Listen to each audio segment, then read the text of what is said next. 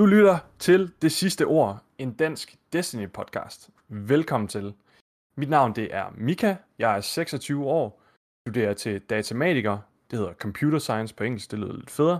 Så bor jeg i Aarhus og er på 5. semester lige nu i min, øh, og kører i praktik lige nu, hedder det. Og øh, det er du nok lidt ligeglad med, alt den her information. Grunden til, at du er her, det er for at høre noget om Destiny. Og grunden til, at du skal lytte til mig snakke om Destiny, det er fordi, at jeg elsker Destiny, og så har jeg spillet det siden alfaen i Destiny 1. Og øh, var fuldstændig hooked på det tilbage i 2013, da de havde deres reveal øh, med, ja, med E3. Så øh, ellers, øh, så er der en god chance for, at du måske, øh, ja, hvis du spiller Destiny, lytter til en dansk Destiny podcast nu, så er der en lille chance for, at du måske ved, hvem jeg er allerede. Jeg har nemlig øh, medvirket i de danske Guardians, som var en øh, dansk Destiny-podcast, øh, den første, der var. Og der var jeg med i cirka tre år, og var vært på deres, øh, eller på vores øh, Twitch-kanal, som ligesom var sådan en forlængelse af podcasten. Øh, et sted, hvor vi kunne interagere med lytterne. Den podcast, den stoppede. Jeg forlod også podcasten, og, øh, eller den er ikke stoppet, de har faktisk ændret den til at omhandle sådan gaming lidt mere generelt. Men alt det til side, så har jeg savnet at lave en Disney-podcast. Og jeg har savnet at have et talerør, et sted, hvor jeg kan komme og gik ud, få lov til at snakke om Disney, og virkelig bare, ja, bare være en kæmpe nørd. Så øh, ideen omkring at lave en Disney-podcast, den har ligesom øh, vokset lidt i mig her hen over det sidste halve år. Og øh, det er simpelthen lidt til, at nu har jeg, eller nu springer jeg ud i det, og så laver den her podcast, der hedder Det Sidste Ord. Og hvis man er lidt vaks og spiller Disney, så kan, kan man godt lige fange en reference der. Det sidste ord, det er selvfølgelig The Last Word, som er mit yndlingsvåben fra Destiny. Ja. Yeah. Det sidste ord, det er som sagt en dansk Destiny podcast, og jeg er ikke sådan helt øh, sat på formatet nu, og det kommer helt sikkert til at udvikle sig. Det her, det er sådan lidt en dummy episode, så vi må lige se, hvordan det hele det kommer til at løbe. Så hvis du har nogle... Jeg vil gerne lave det til sådan lidt en, en åben platform også. Det skal ikke bare være min podcast, det skal være lidt det danske Destiny Communities podcast.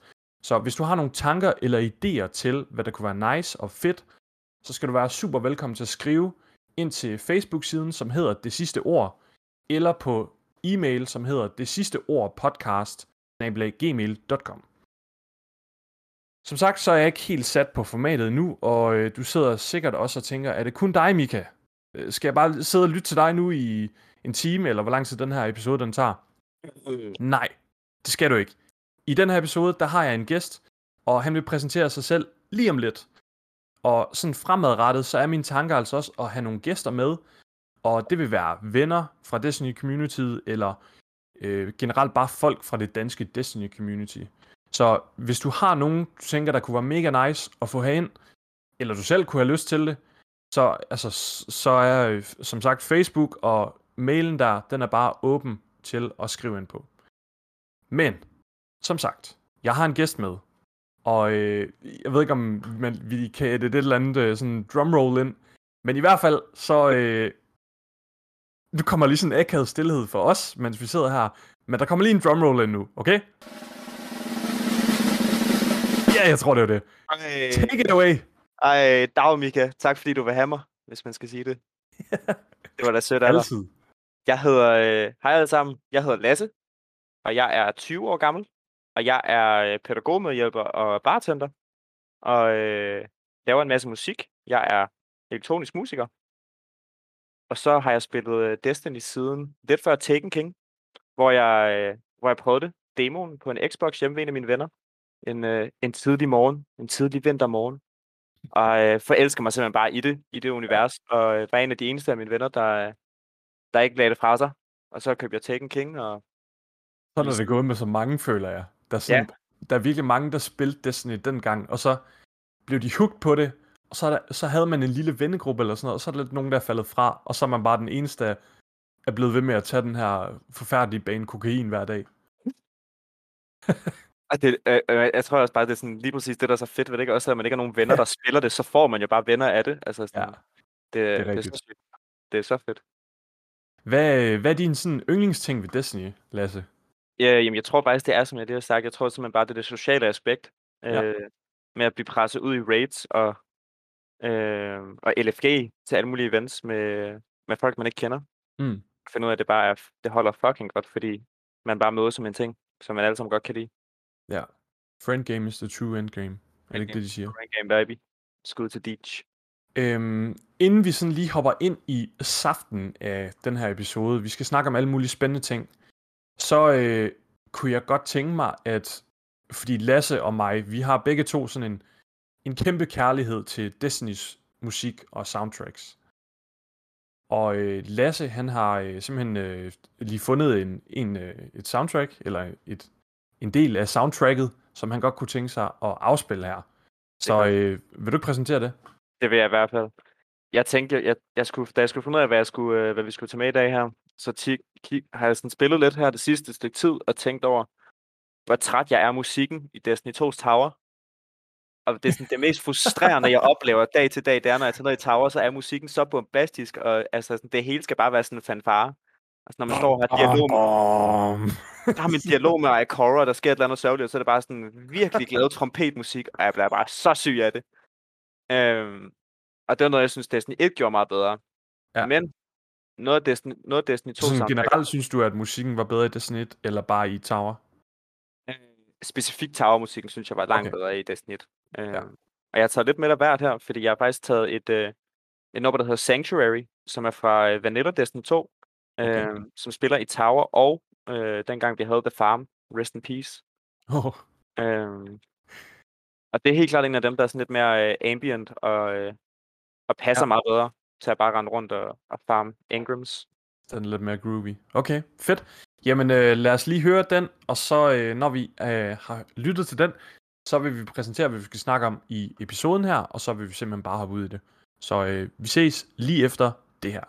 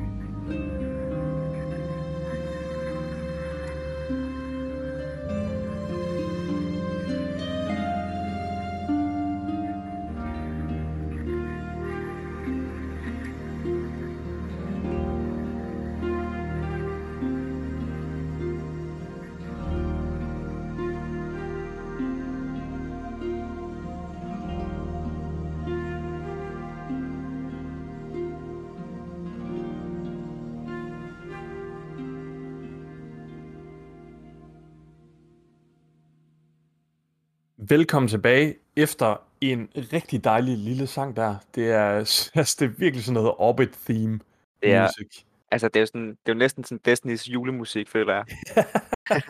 Med små klokker og sådan. Jeg bliver helt, jeg bliver helt glad af det. det er rigtigt. Det er fantastisk. Nå, hvad hedder det? Øhm, I den her episode, der skal vi simpelthen... Øh, vi har... Øh, vi har faktisk skrevet tre ting på. Jeg kan lige se, at vi har lavet en fejl der i manuskriptet. Øh, Vi har, øh, vi har to ting, vi skal snakke om i den her episode. Og det første, det er i lyset af, at den her løbende sæson, der har kørt nu hen over de sidste par måneder i Destiny, den er ved at synge på sidste vers. Det er Season of the Splicer, og øh, den skal vi simpelthen lige have et recap på og snakke lidt om nogle gode ting, nogle dårlige ting og sådan overall thoughts. Og så skal vi selvfølgelig lige gå igennem Twarpen bagefter. Fordi yes, man kan ikke have en Destiny podcast uden lige at komme lidt ind på Twarp. Du får endelig lov til at snakke om din sandbox, hva'? Ja, præcis. Nu, øh, nu er det mig, der står ved rådet, så kan jeg snakke lige hvad vil. Nej. Så øh, det bliver en masse kedelig matematik og numre, og nej, det gør det overhovedet ikke. Men øhm, skal vi ikke bare hoppe ud i og snakke om Season of the Splicer? Jeg ved, at Lasse, jeg har spurgt ham om at lige lave sådan et øh, lille recap, så han tager os lige igennem om, hvad der er sket den her sæson. Jeg tror aldrig, jeg har skrevet så meget, siden jeg, siden jeg stoppede på gym. Altså, det, det var en større lektie. Yes, vi starter helt fra bunden her. Det første, vi oplever, det er simpelthen, at Vex har skubbet uh, The Last City ind i en sim- simulation, hvor, uh, hvor solen ikke skinner. Det er simpelthen det, de kalder for uh, The Endless Night. Uh, og det, altså, det betyder egentlig bare, at vi, vi lever i sådan permanent darkness.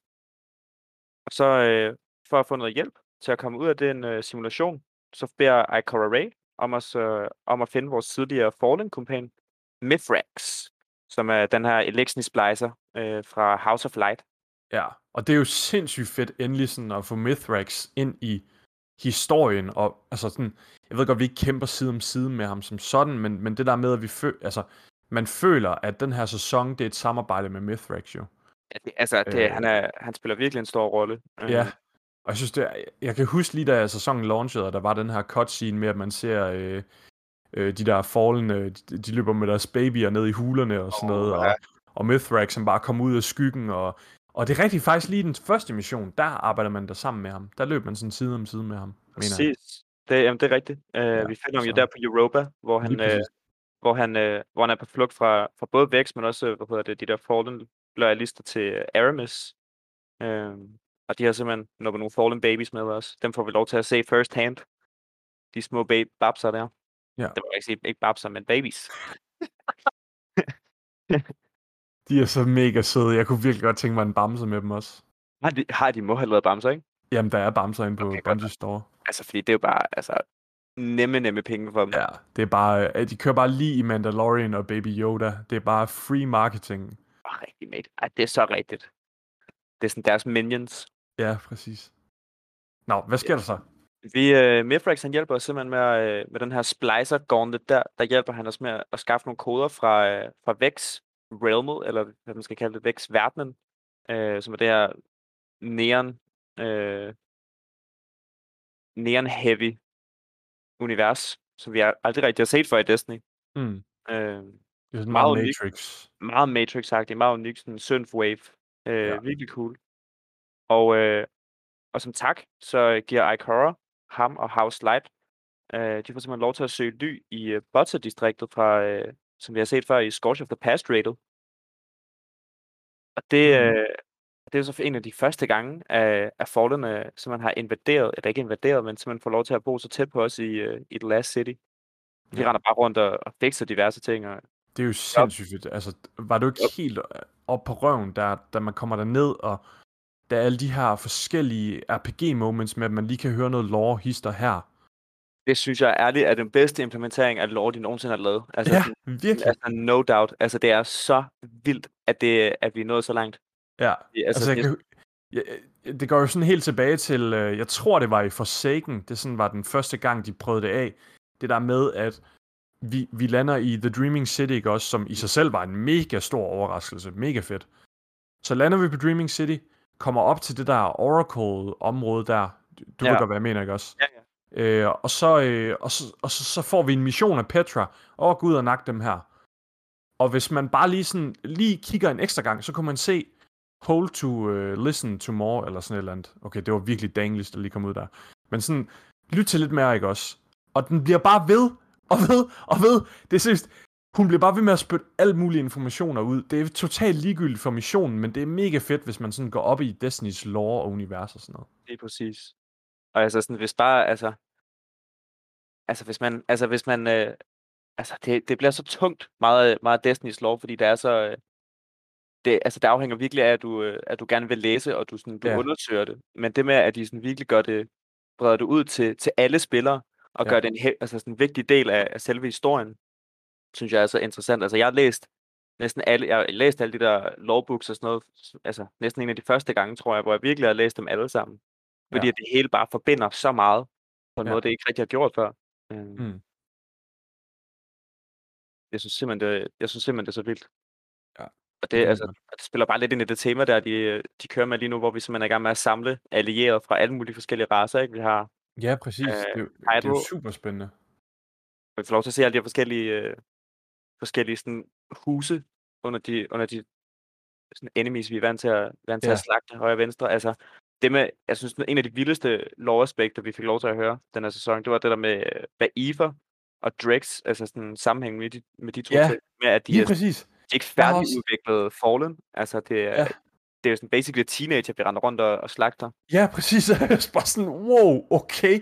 Vi løber bare rundt og nakker børn og teenager. Altså, Drex, det er bare... Und. Ja, det, det, det er mega fedt. Altså, jeg synes virkelig, det er, det er godt gået. Og nu, øh, nu, nu siger du det der med, øh, at vi begynder at se et samarbejde med andre raser og så videre. Og der kommer bare lige en lille teaser, jeg smider bare lige en lille teaser nu. Der er jo til synladende også et samarbejde med Vex på vej. Oh, det snakker yeah. vi om lidt senere, fordi yeah. det er sådan lidt et, uh, en spoiler af historien, så du tager den bare videre.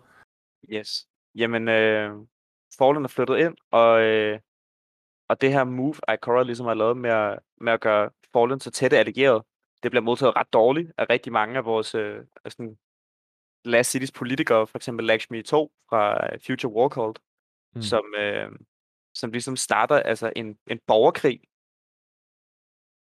Og, ja, det er det jo basically, faktisk. Og, gejl, og gejler, gejler alle øh, borgere op til at, til at bekæmpe Fallen, som, øh, altså, hun mener jo ligesom, de er, hvis de er blevet forladt af lyset før, så er det fordi, de ikke har fortjent det. Ja. Og hun har det her, hun ser det her, altså det er sådan, det er, de er meget tydelige med, at det er, altså, hun er, hun er sådan, hvad hun er sådan, racist. Hun, altså... er anta- hun er den tydelige antagonist fra starten ja. af. Ja, man, møder, man, møder, man møder, jeg ved ikke, om du kan huske det, men man møder hende jo nede i det der Botsa-distrikt, øh, ja. sammen med Osiris. Øh, Osiris. Ja, hvor hun står og snakker med Mithrax og Osiris og Saint. Og... Ja, det er sådan lidt sjovt at se, fordi når vi så finder ud af senere alt det, der sker med Osiris, så er det meget sjovt at gå tilbage og se det, fordi han er sådan, ja. Han er jo tidligere sådan Last City Outcast, ikke? Han er blevet, ja, lige præcis. Så det der med at se, hvor sådan diplomatisk han er oppe på Mithrax, giver rigtig god mening. Ja. Og så får man bare Lakshmi 2, som bare på den anden, altså, den anden hånd bare er så iskold ja. og mand. Altså, hun giver ikke en flyvende fis, mand. Hun er, hun er så bare tung. stram.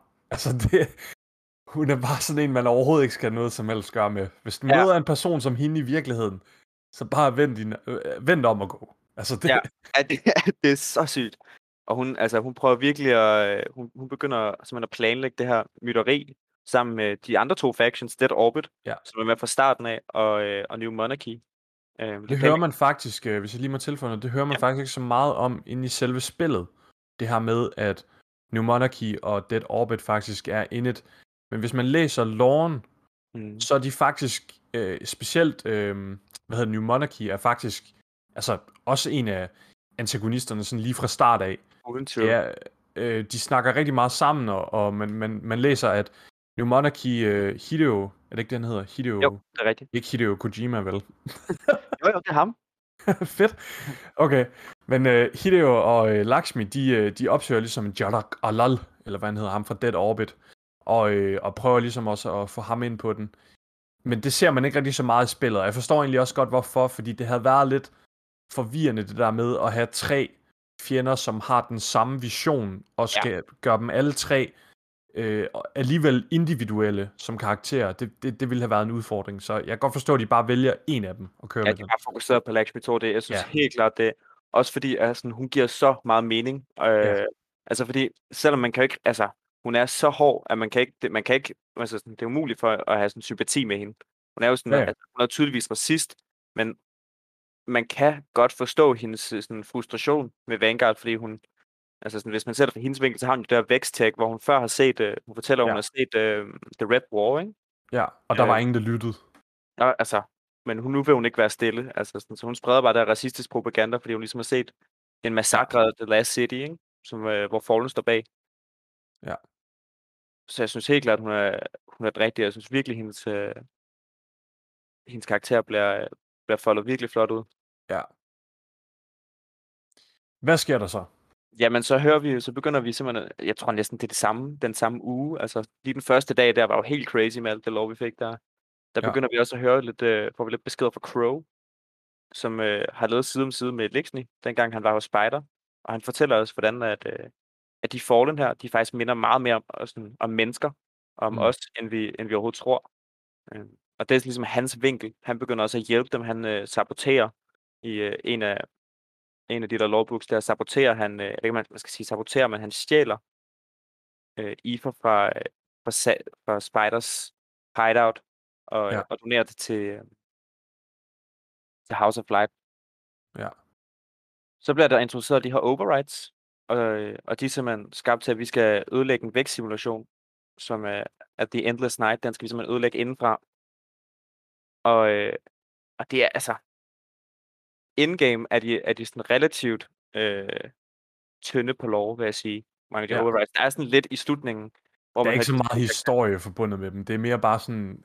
Altså man kan godt mærke, det er, sådan, det er Bungies måde at prøve at indivi, øh, hvad hedder det, invitere folk ind, som spiller Destiny solo, Præcis. så de har et eller andet content, de kan lave. Øh, men, men der er ikke rigtig sådan...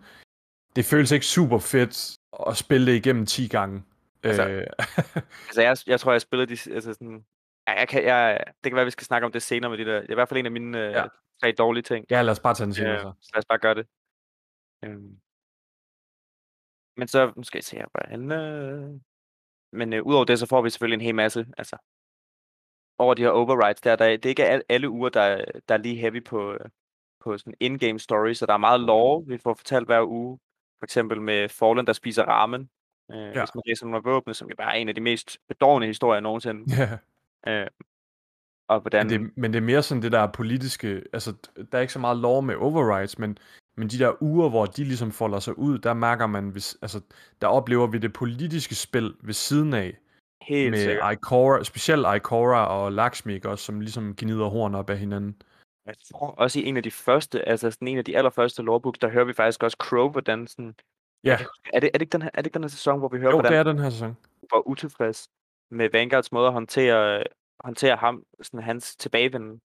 Øh, og Han vil han, gerne, øh, han vil jo gerne, øh, det er jo ligesom os, vores Guardian, det er jo os, der bliver assigned den her rolle af at skal undertake hele den her sæson og arbejde sammen med Mithrax. Ja. Og der hører man i starten, at Crow, han er, han er meget utilfreds med, at han ikke får den rolle. Fordi han er meget mere kvalificeret, han har levet blandt Fallen, han kan deres sprog, han kender deres kultur. Vi er bare en, en mægtig Guardian, han, og fortæller- han er han, virkelig utilfreds med det, men, men han råber Ja. også Zavala efter, altså Ja. sådan, man kan sige, han reddede jo Zavala sidste sæson, ikke? ja, Fra, øh, fra de snipers der. Han er jo, han, jeg, jeg føler efterhånden, han har virkelig bevist sig selv. Øh, Jamen, det har han, men, men det er bare det der politiske spil, der ligesom bliver udspillet med, at det siger Zavala også øh, i den Ej, her, det her lore piece, der siger han også, at, at lige nu, der har vi ikke behov for, altså nu har vi lige taget Fallen ind, lige præcis. og vi har lige oprettet et samarbejde med, med Kajatl og Kabal, Ja. så vi har ikke behov for en potentiel leak på, hvem du egentlig er. Og at New Monarchy og Future Warcall, de vil kunne bruge det som ammunition politisk mod øh, The. Vanguard. At, og præcis, nu bruger de også Crow, som nakkede Kate. Altså, ja, som, Og, sådan, og, altså, jeg tror, altså, og det med, at vi samtidig håndterer, altså sådan, vi leger med Darkness, øh, Ja. ja, lige præcis også det.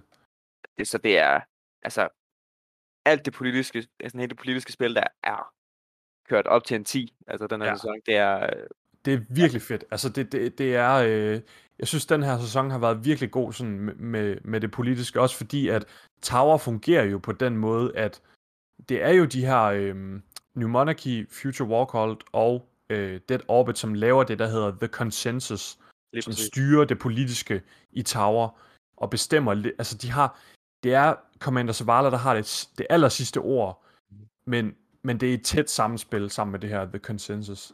Så jeg Og det er godt, bare mega fedt at få det sådan endeligt ind i spillet og ind i loven og høre noget mere omkring, hvordan det virker. lige præcis, og det er også derfor, det er ret sygt, ikke? Altså sådan, hvis man ser det fra, fra deres side, de politikere der, altså sådan, hvordan er Ikora og Zavala bare gået over hovedet på dem? Altså når ja. overhovedet ikke har, har taget det til betragtning, at de måske vil være utilfredse med, med ja. Det er, det, det er så hæftigt. Altså, det... det er jo det, altså det er jo, det er jo det der med, at det hele, det er sådan, det, det, det er meget, altså lige på, tv- på, på trods, øh, eller på trods, på tværs, nu kan jeg slet ikke snakke dansk, sådan, hvis man lige tager øh, Lakshmi 2's meget racistiske holdninger ud af billedet, så er sæsonen ret grå. Ja. Altså, fordi man kan, man kan godt forstå, den der frustration, Crow han har i starten, den kan man godt forstå, og man kan godt forstå Zavala og Koras tilbageholdenhed for at beskytte ham og, øh, og Vanguard som helhed. Og derudover, så kan man også godt forstå frustrationerne fra The Consensus om ikke at blive involveret i den beslutning, det er at tage Fallen ind, eller flygtninger ind. Lige præcis. Øhm, ja, men man kan man... samtidig også godt forstå deres sådan, øh, øh, hvad skal man sige, at de ligesom bare slår hårdt igennem og siger, at det gør vi, det er det rigtige at gøre. Lige præcis. Altså det er, og det er tydeligvis, at de, altså det, jeg synes, det, det er meget tydeligt, at de hiver, hiver meget ind fra virkeligheden, ikke? Med, ja. med, det sidste, med alt det, der skete det sidste år, ikke? Altså man kan ja. sige det med, med hvordan, øh, altså sådan de lovbooks, der handler om, hvordan, altså sådan, de, øh, de ligesom sådan bander sammen, alle de der mennesker ja. i Last City, og, og samler sig rundt om, samler sig rundt om de der Fallen, eller sådan der, ja. og, og ja, begynder at sabotere dem og sådan noget. Ja, laver, ja de, øh, de angriber deres hideout med bomber og sådan, det er, ja. det er meget intenst. Mm.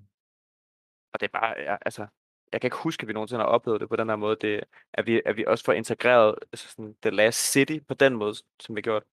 Ja. Det, det, det har alligevel været ret fragmenteret, så det er fedt at se, at de også ligesom spiller en rolle, og vi får sådan en historie om, omkring The Last City. Ja, præcis. Og der var også de her, øh, øh, sådan involvering af The Last City, der, der er jo de der broadcasts, der er kørt ud hver uge, øh, man kunne høre. Det var jo faktisk nogen, der bare kører ud til sådan befolkningen. Racistisk og, propaganda, ikke? Altså sådan... Ja, præcis. Både propaganda, men også øh, bare sådan information, der kommer ja. ud. Og det er jo mega fedt sådan at opleve det. Nå, okay. Det er sådan, at øh, folk de lytter til det ude i byen og så videre. Lige præcis. Altså, de er virkelig, de er virkelig blevet, blevet så gode til at forbinde universet, altså sådan det, vi går og laver gameplay og sådan noget med, eller bare sådan forbinde universet. Ja. Skal vi se her. Skal vi ikke op lidt videre her? Jo. Det går øh, at vi skal speede lidt igennem den recap, der, der er vel ikke så meget mere heller. Der er, der, der er en lille smule, men uh, nu skal okay. vi se Lad os bare køre. Det er jeg mig, tror, der det... bare snakker så meget. Jeg kan ikke lade være. Jeg tror, vi, jeg tror også, vi kommer igennem det meste, men, okay. men uh, du glemmer lidt, hvor meget der er, og det skal ja. nok gøre. Så, uh, så gør at vi skal begynde at kigge lidt på, uh, på en meget suspekt Osiris, oh. som, vil, som jo virkelig også, altså han har alligevel spillet en baggrundskarakter, men hvis man har fulgt med, så lægger man også mærke til, at han er, han er ikke som vi kender ham. Øh, og det, det er simpelthen fordi, jeg, jeg tror, jeg tror det går, altså den teorien er, at han ligesom er blevet besat af Savathun. Øh, går helt tilbage til Season of the Hunt, hvor Sakira bliver dræbt af, ja. af Hive, mens han er ude at jagte Sibu Wrath, og, øh, og inden ender op i det Ascendant Plane, og, og nu er han jo bare, altså, uden sit ghost, er han jo ligesom bare et menneske, ikke? Så, ja. så man må gå, altså jeg vil da gå lidt ud fra, altså, at... det er sådan lidt, øh, det er jo lidt shady, fordi at øh, Osiris, han, han, han siger det også i loven, og, og ja, man, man hører det i spillet, det her med, at nu er han lightless. Mm-hmm. Men hvis du kigger på, hvad der er sket med øh, for eksempel øh, Eris Morn, mm-hmm. hun kan stadigvæk bruge darkness og lightness yes. abilities selvom at hun har mistet sit ghost. Ja. Så det er sådan lidt sås, nå, du har mistet dit ghost, men du burde stadigvæk godt kunne bruge abilities. Men ja, det kan det, han ikke. Ja, det, det siger han. Altså, han, er, han spiller en meget sjov rolle. Ja. Øh, og det, altså, teorien går bare på, at det er sådan Sabafun, der ligesom har korrupteret ham. Der, ja. er nogen, der, der er nogen, der mener, at det enten så har, de, øh, har hun dræbt ham inde i Ascendant Plane, dræbt Osiris og erstattet ham, øh, eller bare, bare, altså, bare korrupteret hans sind og ja. bruger ham til at splitte The Last City fra hinanden, fordi... Må jeg, øh, må jeg spoil lidt? Ja, men, men spoil for hvor meget? Altså sådan næste sæson? Sådan, nej, ikke for næste sæson, men sådan, altså det, det, det er ja. Altså, ja, ja, uden, altså, det er Savathun. Nej, Hvis nej. man er i tvivl om Osiris til Savathun lige nu, så, øh, så har man ikke øh, altså, øh, lagt mærke til både spillet, men også bare sådan community generelt. Jeg, jeg tror, der er mange, der har fået det spoilet. Man, skal, øhm. man, kan, man kan altid være lidt sådan på, øh, på kant med det, men ja. det er bare, altså det er, jeg vil sige, det er blevet så tydeligere og tydeligere for hver uge, der er ja, gået. Præcis. Og altså, især, det, det... især med det sidste, vi ser den her, øh, altså i den her epilog, men det kommer vi også til. Ja, og der er også øh, der er et virkelig fedt lore piece. Jeg kan ikke huske, om det er nummer 7 eller 8 øh, i Season of the Splicer øh, lorebogen, hvis man vil gå ind og læse. Hvis man skal læse en øh, ting fra den her sæsons lore, så gå ind og læs den. Den er virkelig fed. Det er en altså det er, det er en, et kort segment, der beskriver, hvor det, sådan, det hele er fortalt i jeg-form. Så det er ud fra et individs øh, syn. Og det her individ, det snakker om, hvordan det er at være i den her svage krop, og hvordan det er, at, at øh, Nå, ja. personen kan mærke, at, at de har infiltreret tower, og de har infiltreret menneskeheden, går rundt og smiler til mennesker osv. På et tidspunkt får vedkommende, det her individ, det får det dårligt, begynder at kaste sådan noget sort goo op, og der kommer en, en, et normalt menneske hen, klapper på ryggen og spørger, hey, øh, er du okay? Og så står der sådan, øh, sådan på engelsk, øh, jeg valgte at, at lade den her øh, lavere øh, race beholde sin, sin hjerne. Altså, det er så sygt. Altså... sygt, det der med sådan bare, okay, du er bare sådan, du er bare en mide for mig. Det her lille menneske, der lige kommer over og viser lidt øh, sådan, øh, empati, ikke også? Det er bare en mide for den, det her øh, stærke individ. Så okay, altså, individet okay. lyver og siger, ja, jeg har det fint. Og så står der beskrevet, at ormen inden i mig blev tilfreds med den løgn, med den deception, jeg lige lavede der. Så kan man jo selv tolke på, hvad, hvad det skal betyde, ikke også? Men altså... Du kan ikke det... se mig lige nu, men jeg, altså, jeg, jeg sveder og har gåsehud. Det er ja. så sygt et afpris. Og jeg har læst det så mange gange, og jeg vil bare vildere og vildere med det hver eneste ja, så gang. Fedt. Det er så, så fucking vildt, at det er så tæt på. Altså sådan, ja. Jeg synes, det er, jeg synes, det er en af de mest overraskende ting, det er som, at vi har en sæson inden The Witch Queen. For jeg føler ja. bare, at vi er sådan, det, er, det er virkelig rampet op til... Vi har sæsonen nu, som allerede ramper op til næste sæson, altså, som er det... den, der egentlig skal lede op til Witch Queen. Ja, det, altså, ah, men det, det bliver så... Fuck, det bliver så godt! Hvis de, bare, hvis de bare holder det her kørende, ikke? så har ja. vi nok det bedste år i forhold til Destiny Storytelling nogensinde. Ja. Jamen, det har det er virkelig været godt. Jeg, jeg, jeg, jeg glæder mig så sindssygt meget til Witch Queen. Altså, det kan... Folk... Skal vi ikke, skal vi ikke live, kan vi ikke livestream det sammen, den, øh, den jo, review der? det kan vi godt gøre. Det, det, kan vi godt gøre. det bliver så godt, tror jeg. Ja. Nå, skal vi... Øh, ja, så har vi, så har vi simpelthen fået introduceret vores lille øh, suspekte Os Osiris, hashtag Savafoon, ja. øh, som hjælper med at, at splitte Last City fra hinanden. Øh, hjælper, hjælper, snakker med os, og, og, prøv, og altså, sådan, også prøver at spille en hjælpende rolle. Han, vil, han snakker ja. med Cora om nogle, øh, er det, jamen det er sådan noget, han får adgang til nogle meget hemmelige filer. Sådan de allerhelligste øh, arkiver får han adgang til, fordi han er højt betroet. Så, øh, øh. så sygt. Altså sådan, og det, der var jeg bare sådan, okay, hvorfor? Vi fucked. altså, det er helt ødelagt her, mand. Jeg følte, det var så tydeligt, men jeg føler, var der ikke også et eller andet, jeg mener, at Ikora godt havde gennemskuddet lidt? Kan det ikke passe, eller er det bare noget, jeg jo, har øh, det er der nemlig. Hvad hedder det? Jeg har faktisk... Øh, det, jeg kan prøve at finde det, og så redigere det ind i, i podcasten her, men, men det kan godt være, at det ikke kommer. Ja, så fint. Der er, efter en af de her override-missioner, i den her, den her seksmands aktivitet, der er der på et tidspunkt, hvor at de, Ikora og Osiris, de har ligesom sådan en, øh, de, de snakker lige efter missionen. Mm. Og så siger Osiris et eller andet med, at om det er jo smart at kende sin fjende, øh, men også kende sine venner, eller sådan et eller andet. Ja, og Ikora, hun laver bare, altså hun laver en uppercut på ham, man kan mærke, han er sådan, shit, wow, hvad, hvor kom den fra, agtig? Fordi det er sådan, på det tidspunkt er han ikke, der tror jeg ikke, Osiris eller Savathun rigtig mærker, at folk er suspekte endnu. Ah, nej. Øh, sådan i, ifølge loven. Men Akora, hun laver altså lige jab der, som, som virker sådan lidt, oh, okay. Så du bliver overvåget også. Altså, ja. sådan, du er, vi er ikke den eneste, der holder øje her. Ja, præcis. Det er fucking fedt. Øh, og så tror jeg, ugen efter, eller i hvert fald en af de, øh, en af de, øh, en af sådan, midt i sæsonen, der får vi den der, øh, det var, hvis, hvis du har lyst til at snakke lidt om Saint, vi får den der kæmpe, kæmpe cutscene. Ej.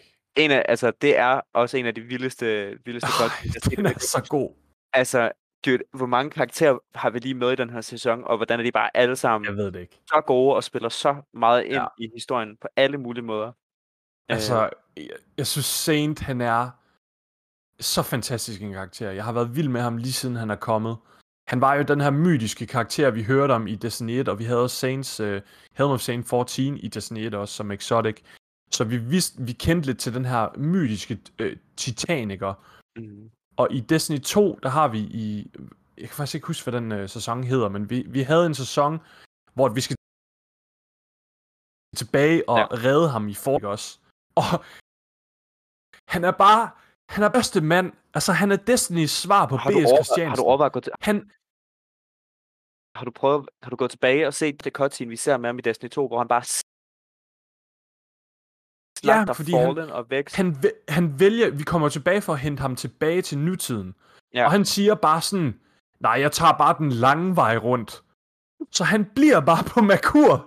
Altså, det der århundrede. Jeg ved ikke engang, hvor mange år der går, om det er tusind år, eller hvor mange, altså går mega mange år. Og han lever, han, hans år, de går bare med at slagte Fallen og holde dem væk fra The Traveler. Og når vi hører om det, så ser vi bare på ham, okay, han er en legende, eller sådan, han ja. er bare det fedeste, fordi på det tidspunkt, så er vi sådan, fuck Fallen, men så kommer Præcis. vi med den her cutscene her. Og som står bare, i så god kontrast. Altså piller ham fuldkommen fra hinanden, ikke? Altså sådan, de hiver ham jo ned, for at de så kan bygge ham op bagefter, ikke? Ja. Og det er Jamen, så vildt. Ja. Der får vi den her fortælling fra Ido, som er, er det Mithrax datter, kan det passe? Ja som, øh, som er hende, der går og fortæller os alle de her små forskellige øh, House of Light-historier og, og backstory til Fallen og deres forhold til, øh, til Traveler. Og så Skal vi lige høre den? Skal vi lige høre cutscene? Gør det. Den kommer lige her. Once in a city grander even than yours, we prospered. But it did not last. Our great machine abandoned us. And when we pursued it, you sent something back. A creature fueled by hatred. It tore through our great houses like they were nothing.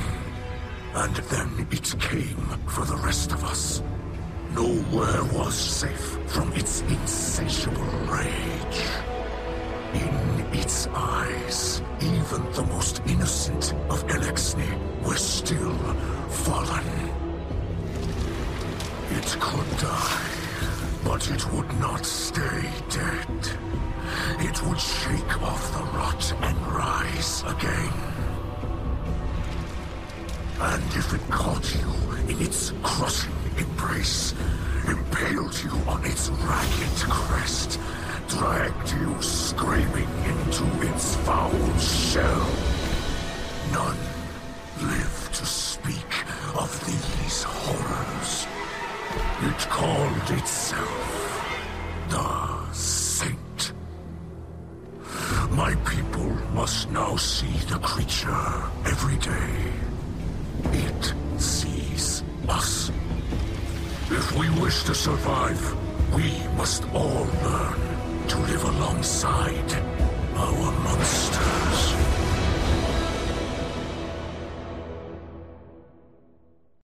Velkommen tilbage. Uh, lige en correction. Det er Mithrax, der er voiceover på den her cutscene. Lasse, hvad, hvad, hvad tænker du, når du lige sådan ser den igen? Altså, jeg får... Altså, hvis jeg ikke vidste, hvad der skete i epilogen, så ville jeg bare tænke stadigvæk, at, altså da jeg så den for første gang, så var jeg sådan, okay, Saint 14, han er bare et monster. Ja. Og, det, og de opererer bare virkelig meget med den her gråzone, ikke? Altså sådan, for, for os er han den her legende, og det har han bare været i så længe. Og så ser vi ham bare, og han er bare det her mytiske monster i, øh, i Fallens øjne. Og de skal bare ned og bo ved, lige ved siden af ham. Og interagere med ham. Og det er, ah, men det er så vildt. Jeg, jeg fatter det ikke. jeg sidder også bare, altså, jeg, jeg er en person, jeg bliver virkelig nemt hyped. Og det, det kan man lige så godt vende sig til. Så hvis jeg, altså, hvis jeg skal sætte mig selv på et hype barometer, sådan barometer, er det ikke det, det hedder? Ja. Når jeg skal gøre mig klar til, hvis der kommer en ny sæson i Destiny, så er jeg altid helt oppe i toppen. Men når jeg sidder og ser den her cutscene, så bliver jeg så mega hype på Destiny. Altså, jeg får lyst til at gå ind og spille lige nu, selvom der ikke er så meget at lave. Så får ja. jeg lyst til bare at gå ind og nørde, fordi den her cutscene, det er noget af det bedste, Destiny nogensinde har leveret, sådan story-wise. Jeg synes, det er så sindssygt godt lavet. og det er så mega fedt, og man får så mange følelser, når man sidder og ser det. Altså, jeg sidder og bliver skræmt, jeg sidder og bliver glad, på, altså på sådan en sindssyg måde, at man sådan tænker, vold, fedt. Men, og trist og sådan... Og, og trist, og altså, der, der er bare så mange følelser, der kommer op i en, og man, man, jeg, jeg tager mig selv i at sidde og grine lidt, og være sådan lidt, wow, okay, wow, holy shit, fordi det er så voldsomt. Og det er netop det der, du siger med, at øh, tilbage i fortiden, så var legend, eller så var Saint, han var en legende for os, ikke også? Ja, ja. Og nu bliver han, han bliver bare pillet ned af den her cutscene. Og det er så mega stærkt. Altså, det står så sindssygt godt i kontrakt, kontrast til hinanden. Jeg tror ikke, folk forstår, hvor, altså, hvor mega stor en udfordring det er at skulle altså, gøre så stor en, så stor en legende til et, øh, altså til et monster i spillerens øjne. Ikke? Fordi ja det kunne virkelig have floppet hårdt, og være sådan, ja ja, men det er stadigvæk Saint 14, ikke? Ja, ja, det, er jo stadigvæk, det er jo stadigvæk Fallen, de skal bare dø, agtigt. Og, og også hvis man ved, altså sådan, når man, inden man får cutscenen, så er det jo Mithrax, kan det ikke passe, at han står og fortæller det til Saint 14 nede i det der Butter District? Han står, øh, de står og har en diskussion omkring, ja. at øh, Mithrax, han siger, at Nej, jeg kan ikke huske, hvad, om det er Saint, der siger et eller andet med, at han synes, det, det er ubehageligt, det der med, at han skal have Fallen lige på hans dørtrin, og det er, sådan, ja, det er, det er skræmmende, og han kan godt forstå, at folk ude i byen, de synes, det er, det er skræmmende og sådan noget. Og så kommer Mithrax bare med den her SLAM! Nu skal du bare og, høre, med. Nu skal du bare høre, hvordan det er at leve ved siden af dig, Marker. Ja, det er så... Det sidste, hvis I ikke har set videoen, så ærligt gå og se den cutscene, fordi alt det kunst, der er med i den, er ja. så vanvittigt elegant lavet. Ja, med, det, det aller sidste, med det aller sidste billede af Saint 14 hjelm, Ja. Jeg tror, altså i tordensgrad, og så ser man bare... Så er der bare et skelet. Øj, mand.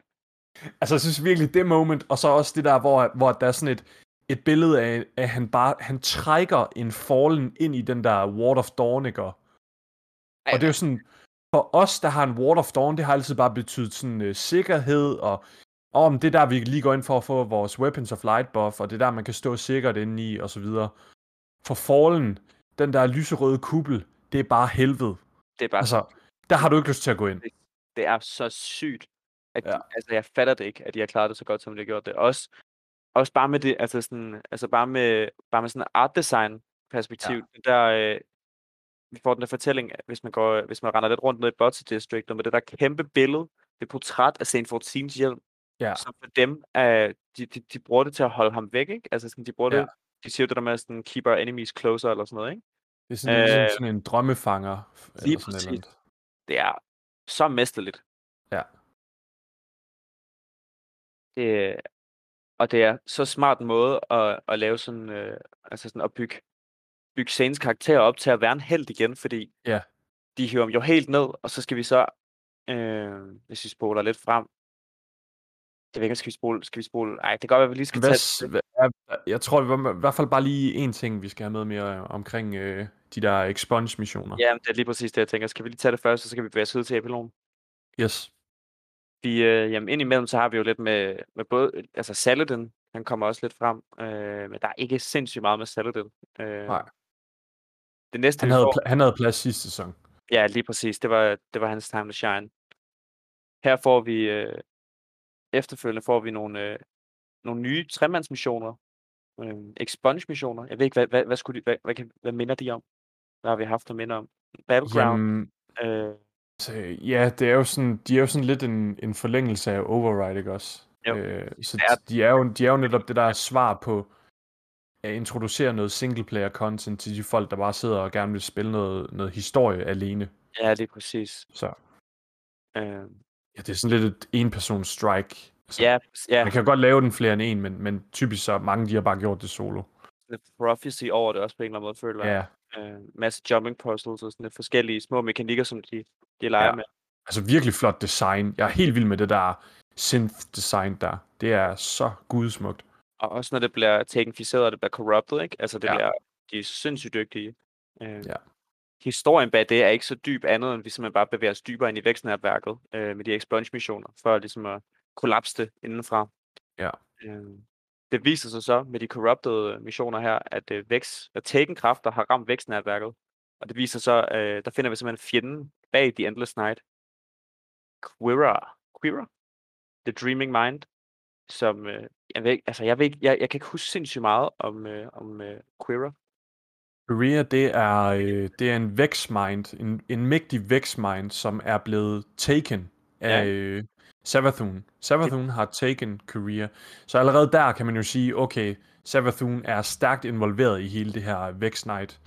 Og vi har også de Cool. der, vi har også de der små e-sponge-missionerne, der er corrupted. Der har vi de der små, øh, små sådan logs, eller sådan, jeg ved ikke, hvad man skal kalde det. Det er sådan små gang, stykker tekst, som normalt er sådan noget øh, quest, quest, quest tekst.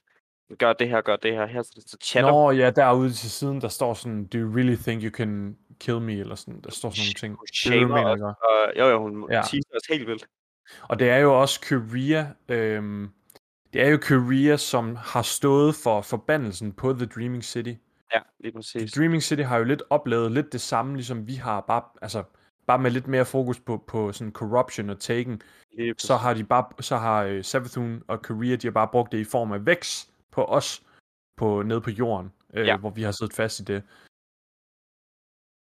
Så, Her er der- øhm, Og her, der, simpelthen, her der, der får vi simpelthen dræbt Quira, øh, eller Korea, og, øh, og ligesom skåret ned på Savafuns greb øh, om os. Ja. Og så sker der ikke sindssygt meget, så gik der næsten en måned. Og jeg vil godt lige sige, efter vi får nakket Korea, Ja. der er der simpelthen en fantastisk lille dialog imellem altså Ikora og Mithrax og Osiris og, og ikke mindst Saint, som slutter af med at sige sådan, uh, We will have a party! I will wear a suit! Eller sådan noget. Og det, oh, ja. Ej, det er, Det er så, fedt, mand. Jeg elsker det. altså, jeg kan bare lige, jeg kan lige forestille mig Saint komme ind i sådan et, et virkelig dapper suit, ikke? Og- Og så bare stadigvæk have sin hjelm på. Altså, det er... Hvis, hvis vi, altså jeg tror, selv med Kate tilbage, så tror jeg, hvis, der, hvis jeg skulle have en af de der Vanguard og Guardians, øh, sådan Guardian-legender med i byen, så ville det være Saint 14. Ja, helt sikkert. Den mand, Altså, han kan det drikke så meget, dude. Han bestiller, han bestiller 3 liters klasse. Altså Ja, sådan, ja. Jamen, helt sikkert. Altså, han bunder. Men jeg, jeg synes også netop, fordi nu siger du også Kate, altså, jeg synes virkelig, Saint han har udfyldt lidt den plads, vi mangler i form af Kate. Lige præcis. Fordi jeg tror, altså, jeg tror mange havde forventet, at vi, hvis vi fik Crow som Vanguard, øh, han har bare ikke den samme karisma. Altså, Crow Nej. er fed, og han er, han er, han er helt klart en fed karakter, men Ja. han er også meget underspillet i forhold til Kate, som var, altså, Ja, men vi har brug for, vi har brug for, øh, for en eller anden, altså Funky i Vanguarden. lige præcis. Jeg har også tænkt lidt på om, øh, sorry, det er lige et lille sidestep, men, men det kunne jo også være, jeg mener, han hed Shiro 4 eller sådan noget, som var sådan en, han var sådan lidt øh, Kates, øh, øh, hvad skal man sige, øh, disciple. Eller, Ja, fra ikke, Rise-. Rise of Iron, han var del af det der fight team. Ja, lige præcis. Der var han sådan en, han var sådan en, en Vanguard øh, øh, function i det der øh, Rise of Iron Temple der. Lige præcis. Ja, jeg ved ikke helt, hvor, jeg ved ikke helt, hvor godt han vil fungere, fordi han er også, Nej, han er en af de tørre karakterer, vi har. Altså, sådan, han var bare Ja. med for at holde, øh, ja, men det var Kate jo også i starten. Altså Ja, i Vanilla D1, det var først med Taken King, Kate han begyndte at blive grineren. I starten, der var Kate, altså i det første år, der var Kate super nederen. Mm. Eller ikke super nederen, men han, han var meget ligesom Ikora og Zavala, sådan ret Ja. tør også. Ja, lige præcis. Og jeg tror også, og jeg tror også udelukkende grund til, altså sådan, vi kan jo ikke bare snakke om Kate, men jeg tror også grund til, at Kate ligesom var så fantastisk en karakter. Jeg ved ikke, om han vil være lige så fed, når han vender tilbage, fordi det, der var så specielt ved The Taken King og hans rolle, det var nemlig, at vi ikke havde haft historie på den måde. Altså, Ja. Så det var, det var sådan ligesom et first at opleve så meget karakterudvikling. Ja. Mm, Og det får vi simpelthen så meget af nu, så det om jeg... vi- Det eneste, han kan tilbyde, tror jeg, det er simpelthen bare den her quirky... Øh, Ja, lige præcis. Lige, det øh, lige føler at give sådan lidt uh, Marvel-humor ind over det. lige præcis. Men det føler også, det er blevet sådan lidt væk fra. Ja, De, de øh, ramte den så hårdt med Destiny 2 Vanilla. Altså, det var bare... Altså, det var ligesom at se en Deadpool-film i forhold til Kate. Ja. Altså, han, var bare, han var der bare hele tiden, og han snakkede så Ja. meget. ja de, de double-dibbede virkelig på ham, det gjorde de. Trailerne, altså, de første trailers var jo også bare Kate, der snakkede Ja. og lort, ikke? Så sådan, Ja. Nå, skal vi lige få øh, lukket øh, det her? Hvad, øh, så er der vel kun øh, én ting tilbage, er det ikke lidt det? det tror jeg da, det er vores, øh, vores fine epilog på historien, som kommer i tirsdags, hvor vi, øh, hvor vi simpelthen hører Lakshmi med, med guide fra Osiris faktisk åbne portalen ind til Vex Realmet. Og øh, hun havde lidt Ja, håb nede i Botsa districtet, der er nede ved Fallen. Og det er jo sådan, det, det tager jo lidt ind i sådan, det, hvad hedder det, at, man har lidt en der med, at Vex er jo lidt over det hele, og der, den der portal over det hele.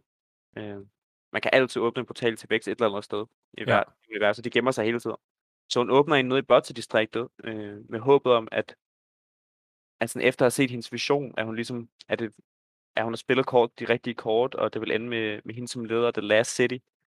Øh, men det, jeg ved ikke, det vil jeg ikke sige. Øh, det går ikke helt hendes vej. Hun får ikke ja. helt vilje her. Hun prøver ligesom at overkaste Vanguard og, og House of Light, øh, men det ender simpelthen bare med, at hun bliver, hun åbner den portal, og jeg går ud fra, at hun bliver dræbt af Vex, ikke?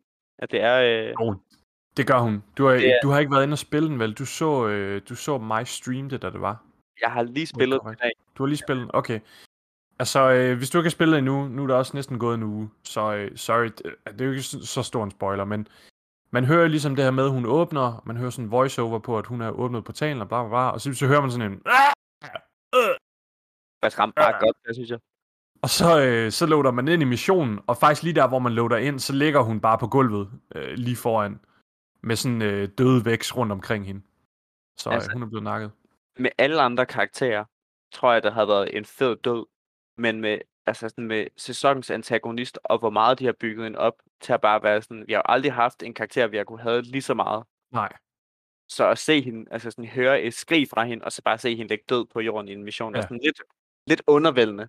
Fordi jeg, ja, præcis. Altså, det, det var også det der med, at øh, vi skrev også lidt om, at det kunne have været mega fedt, at der var sådan, man, man kom hen, og så sad hun sådan og var såret, eller sådan et eller andet. Ja, eller man... Øh, og, og så kunne man lige snakke med hende, og så sagde hun sådan, I regret nothing, eller sådan et eller andet, ikke også? Eller sådan, I hope they're gonna still die, eller whatever, ikke? Det, var, øh, man kunne lave en finisher på hende. Ja, det kunne man lige lave sådan en headbutt, eller Cabal Shield, dunk. Øh, men jeg er helt sikker, altså sådan, bare sådan en lille ting, altså hvis du bare lige sådan at låner en mission, bare se en blive skudt, eller et eller andet, ikke? fordi det er så anti antiklimatisk øh, ja. At høre en, altså, bare se hende ligge, fordi jeg går ud fra, at der er også mange, der måske bare sådan, der bare har, der bare gået over hende. Sådan, ja, ja, ja, da jeg lå den, der, var, der, der stod folk rundt om, og de sprintede bare frem. Ja, ja. Og, og der tror jeg ikke, de har lagt mærke til det. Altså sådan, det, jeg synes, det, jeg synes, det er øv, at det, at det slutter sådan, men så bliver vi til gengæld øh, opfyldt af en meget klassisk override, ikke så meget der, ja. men så også en af de bedste cutscenes, vi nogensinde har haft. Ja. Øh, det kan vi sige om så mange i den her, i den her sæson, føler jeg, ja. men det er virkelig, jeg, har, jeg tror ikke, jeg har haft gåsehud på samme måde øh, i Destiny nogensinde, som jeg havde den her cutscene. Og, jeg, jeg, fik, jeg fik lov til at se dig se den her over en stream her. Ja. og, det var, og det var dejligt. Jeg tror, det var meget fedt at, meget fedt at se det, for så kunne jeg bare se dig skrige, og så var jeg sådan, det, det er sådan, du var, så blev det lille, de, mit lille talerør. Ja.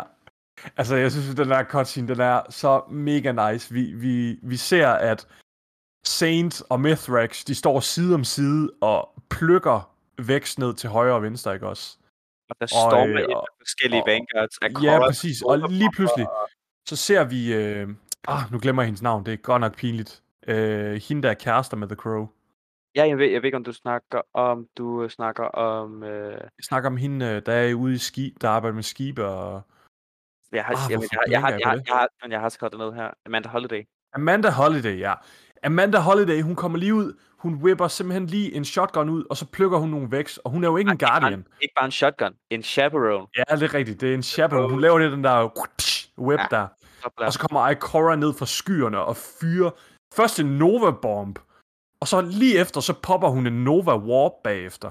Så og det, det, jo, det viser jo bare, hvor mægtig hun er som en Void Walker, ikke også? Altså, hun har, hun har, bare, hun har kontrol over de der elementer der. Øh, mega fedt. Altså, et sindssygt fed cutscene, og, og man har det der moment med, at Saint og Mithrax, de står ved siden af hinanden, og, og de laver sådan lidt, jeg, jeg sagde det også, da jeg streamede, de laver lidt den der sådan, jeg får en, et flashback til Ringenes Herre, hvor at Legolas og Gimli, de er lige ved at dø. Og, og så siger øh, Gimli det der med, at jeg troede aldrig, jeg skulle dø ved siden af en elver. Ja, og så siger Legolas, øhm, hvad så med at dø ved siden af en ven? Ja, og Gimli ja. han smiler og siger, ja, det kan jeg godt gøre. Og så går de i krig også. I thought I'd die fighting side by side with an elf. What about side by side with a friend?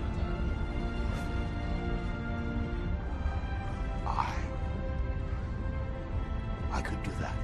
Altså, det, det, det der øjeblik, der sker der for Mithrax og Saint, at de har også lige sådan et, et par linjer, hvor de lige bonder og siger, Nå, men så går vi ned sammen. Vi har gjort det rigtige. Vi har gjort det bedste, vi kunne. Og, det er øh, og så kommer Ikora og redder. Og det er bare håndteret så sindssygt smukt, fordi det kunne være så kliché, og ja. altså, ligesom så meget andet med det, altså, det, det team har så meget styr på det, det er simpelthen så rørende at se dem kæmpe side om side, og efter, efter hele den her sæson, ikke, hvor det bare har været sådan borgerkrig og, og racisme, ikke? Altså sådan, og så se ja. de lederne af Atlas City stå side ja. om side med, med House of Light, som jo bare bakket helt op i et hjørne, ikke? Ja, og det er jo netop også det der igen med, at Saints karakter, den, den er blevet pillet ned, og nu bliver den bygget op igen, og man har så meget mere respekt for ham nu, fordi at han har indset sin fejl, han har indset, okay, jeg har faktisk været ude og slagte øh, civile.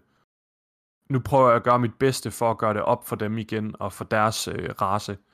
Og, og det er jo bare mega fedt, at han er klar på at give sit liv for de her fallen. Jeg ved ikke med dig, jeg ved ikke med dig, men altså sådan for mig, så vil jeg faktisk sige, altså, at han er en endnu større legende for mig nu, end han var før. Den ja, her, meget altså, større. Altså, den der heldestatus der, har bare aldrig, altså sådan, han har, han har virkelig fortjent den nu. Ja, det har han virkelig. Og så ser vi jo øh, til sidst i cutscenen, der er der lige sådan et øh, Osiris sus moment op på taget, hvor han står med armene over kryds og kigger og tænker sådan, Nøh. han laver lige sådan scruff-agtig. Ja, han jeg, kan, jeg kan ikke helt finde ud af, om han, om, om han er sådan, åh lort, det lykkedes for dem, eller om han har sådan en, alt går lige efter planen. Det er det, og jeg har tænkt præcis det samme, fordi det er, altså, og jeg tror, vi finder ud af den næste sæson, fordi det sjove ved det her, det er jo ligesom, at han hjælp Lakshmi med at åbne, mm-hmm. åbne portalen til Vexrealmet. Så yeah. kan, altså, han må have vidst, at det vil ske, at, yeah. at, at Lakshmi vil dø, og jeg tænker, det må på en eller anden måde skabe sådan... Jeg er så spændt på at se, hvilken effekt det har på, på folket ja. øh, i The Last City, fordi nu har de ligesom, de er jo ligesom begyndt at følge Lakshmi ja. og tænke ordet, ikke? Ja. Men Lakshmi er jo også bare blevet... Lakshmi er jo blevet hjernevasket af Savathun eller Osiris. Uden det fremgår også meget tydeligt i loven. Da, ja. Lakshmi, hun forsker jo det her med at, at se fremtiden, så hun har noget, noget vækst-equipment og sådan noget. Og der har hun nu set nogle forskellige virkeligheder, og så hun kan hun hun, øh, hun, hun genhusker ligesom en oplevelse, hun har haft i det her øh, Vex Realm, hvor at hun har en samtale med Osiris, og den forløber på en specifik måde. Mm-hmm. Og da hun så snakker med Osiris, det står i loven, da hun så snakker med ham, så står hun og tænker på et tidspunkt sådan, åh, det er godt nok øh, dejligt vejr i dag. Og så kommer Osiris ud fra hendes højre fløj og siger, det er godt nok et dejligt vejr i dag, var. Og så siger hun sådan, åh, det var godt nok nogle sjove ord, du lige valgte der, ikke også? Og, sådan, og, og der er sådan løbende et par gange, hvor han sådan, hun tænker et eller andet, og så sætter han ord på det.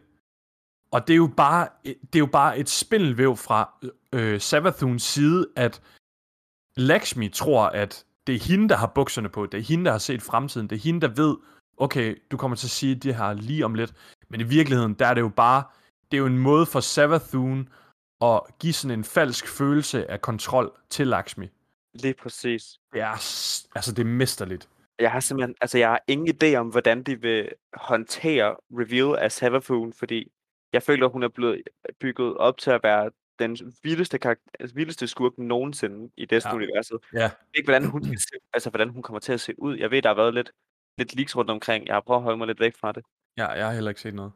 Men, øh, men jeg kan simpelthen ikke, jeg, jeg kan simpelthen ikke forestille mig, hvordan en boss fight eller noget som helst en konfront, rigtig konfrontation med hende skal være. Nej. Jeg, jeg håber, det, at vi kommer til at slås med øh, en af sådan, de her Corrupted Guardians. Ja, det kunne være nice. En Osiris fight. Uh. Det er i hvert fald rigtig spændende. Mm. Øhm, ja, det var vel uh, recappet på uh, sæsonen, tænker jeg. Helt sikkert. Var det ikke det? Fedt. Det, jeg synes, vi kommer meget godt igennem det. Ja, det synes jeg også. Uh, hvis I synes, det var uh, nice at lytte til, eller synes, det var det blev for langt, eller for kedeligt, eller vi gik for meget detaljer, eller for lidt detaljer, altså, I må meget gerne skrive ind. Som sagt, i starten af podcasten, hvor jeg sagde, at det her, det er en, altså, der, der er totalt åben over for feedback. Så mm. please, endelig kom med det så skal vi nok tage det til hjertet og gøre vores bedste for, at det bliver en god oplevelse for alle. Og nu er det også lidt en speciel, altså et specielt øjeblik, ja. hvor vi ligesom skal recap hele sæsonen, ikke? Altså, Lige der... præcis. Altså fremadrettet vil det jo være meget mere sådan fra uge til uge, eller fra anden uge til anden uge, eller hvordan man nu gør det, ikke også? Lige præcis. Øhm, så ja, Lasse, nu øh, kører vi lige med en pause, og du har simpelthen øh, et lille stykke musik mere. Vil du ikke præsentere det? Jo, det er, øh, så hopper vi simpelthen tilbage til Destiny 1 med, øh, med sangen Deconstruction, som, øh, som jeg snakkede om tidligere med Tower-musikken, så er jeg super stor fan af mange af de, mange af de små øh, sange, som kører gennem Tower i Destiny 1, øh, frem for det meget mere bombastiske og øh, bombastiske musik, der er i Destiny 2 Tower. Så jeg har taget Deconstruction med, som er super sød. Den er simpelthen så nuttet. Og, øh, og den spillede hele tiden, og den minder om, ah, men den, det er også bare nostalgi, ikke? Men, øh, er den fra Destiny 1 eller Destiny 2, og hvad for et soundtrack? Det er nemlig uh, Destiny 1 Vanilla. Okay. Helt Vanilla OS. Okay. Yes, sir. Spændende. Uh. Fedt. Den kommer her. Vi ses efter pausen.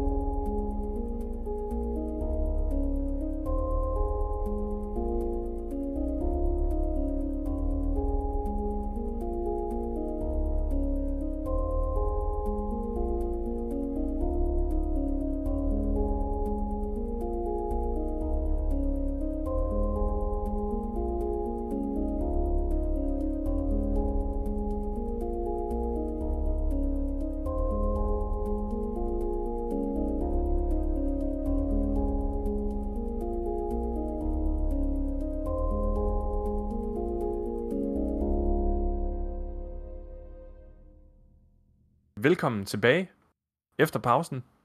Øhm, nu skal vi snakke lidt om øh, Tworpen, og øh, når vi er igennem Tworpen, så er episoden færdig. Jeg har faktisk jeg har ikke lige det overblik over, hvor lang tid vi har optaget nu, så... En time eller sådan noget, så det er ja, ved... cirka en time, så, så det kan godt være, at det bliver en lidt længere episode, den her, den første, men, men det er også fint nok. Fremadrettet, så øh, vil vi gerne aim på, at den ligger et sted mellem en halv time og en time. Ja. Så den er sådan godt fordøjelig også. Fedt. Uh, Twarp This Week at Bungie, og uh, der har vi simpelthen bare taget udgangspunkt i den seneste uh, iteration af Twarpen. Så uh, jeg ved godt, der er kommet alle mulige lækre informationer de sidste par uger, og uh, men bare lige for at gøre det sådan uh, forståeligt, og bare, så, så kører vi bare herfra. Så er det simpelthen den sidste, vi kører med. Det er også en ret hæftig Altså, vi har lige ja. fået, uh, der skal ret meget lige her i, op til næste sæson også. Så med næste kan vi, at vi får noget, en masse med våben og sådan noget, så det, der er meget ja, godt det. Det bliver spændende. Hvad hedder det? Um, Lasse, vil du øh, lede lidt ind, eller skal jeg?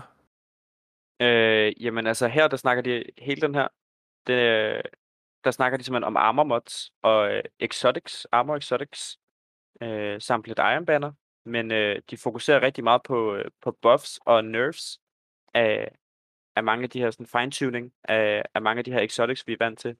Øh, mm.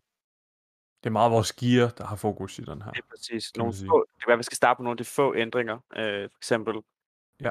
en af de bedste ændringer nogensinde, det er simpelthen det her med controller sensitivity. og, og, og det er, de har fjernet traction mod, som bare aldrig skulle have været mod. Et mod. Det er så fjollet, at det skal fylde. Øh, ja, det er virkelig fedt. Altså, det, det er nogle lækre ændringer. Man kommer til at kunne gå... Lige nu kan du gå op hvis du spiller på øh, controller, så kan du max gå op til 10 i sensitivity. Nu tilføjer jeg lige 10 ekstra, så du kan gå hele vejen op til 20. Og 10 nu, det er altså det samme som 10, når det nye kommer også. Lige præcis. Så øh, der kommer til at være noget mere, og du kan ændre på din øh, aim down sight sensitivity også, øh, og sådan noget. Det bliver rigtig, rigtig godt. Jeg glæder mig også. Rigtig godt sådan quality of life. Ja. Øh, så har de, øh, så de givet os lidt et sneak peek på nogle af de nye øh, champion mods, Ja. Hvad er det for nogen, der kommer der? Vi har en anti-barrier auto rifle. Jeg tror, det er det ikke præcis det samme, vi har haft den her sæson. Jo, det havde vi også den her, ja.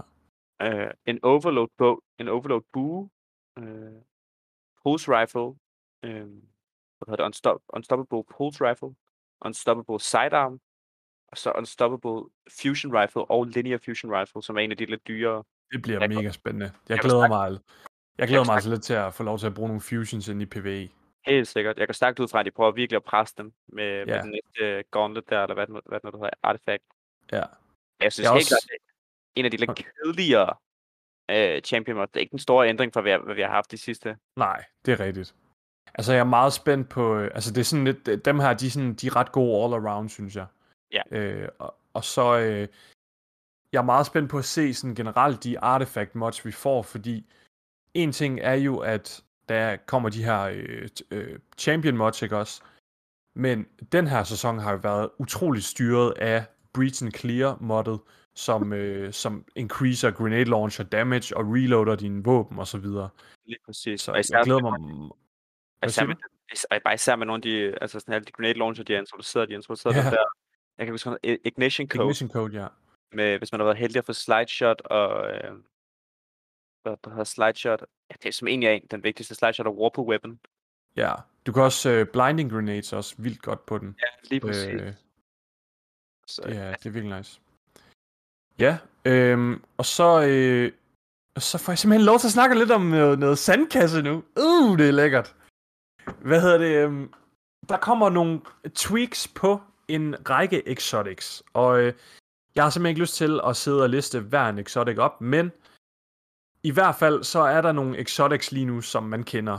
Mm. Der er øh, blandt andet øh, den her øh, exotic til Titans, din arm, som gør sådan, at når du guarder, så får du ligesom dit super igen. Øh, Ursa Furiosa hedder den. Og så er der for eksempel Warlock, Phoenix Protocol. Og de her exotics, lige nu, som det er, så hvis du spiller for eksempel Grandmaster, eller Master Wall of Glass, eller sådan noget, så får du ret ofte hele dit super tilbage, eller i hvert fald altså virkelig meget af din superenergi tilbage. Og det vil Bungie gerne modvirke lidt. Lidt ligesom de gjorde med Tether i sin tid. Tether i starten af Vanilla Destiny 2, der havde du de her Orpheus Rex Boots, som gav dig hele super tilbage.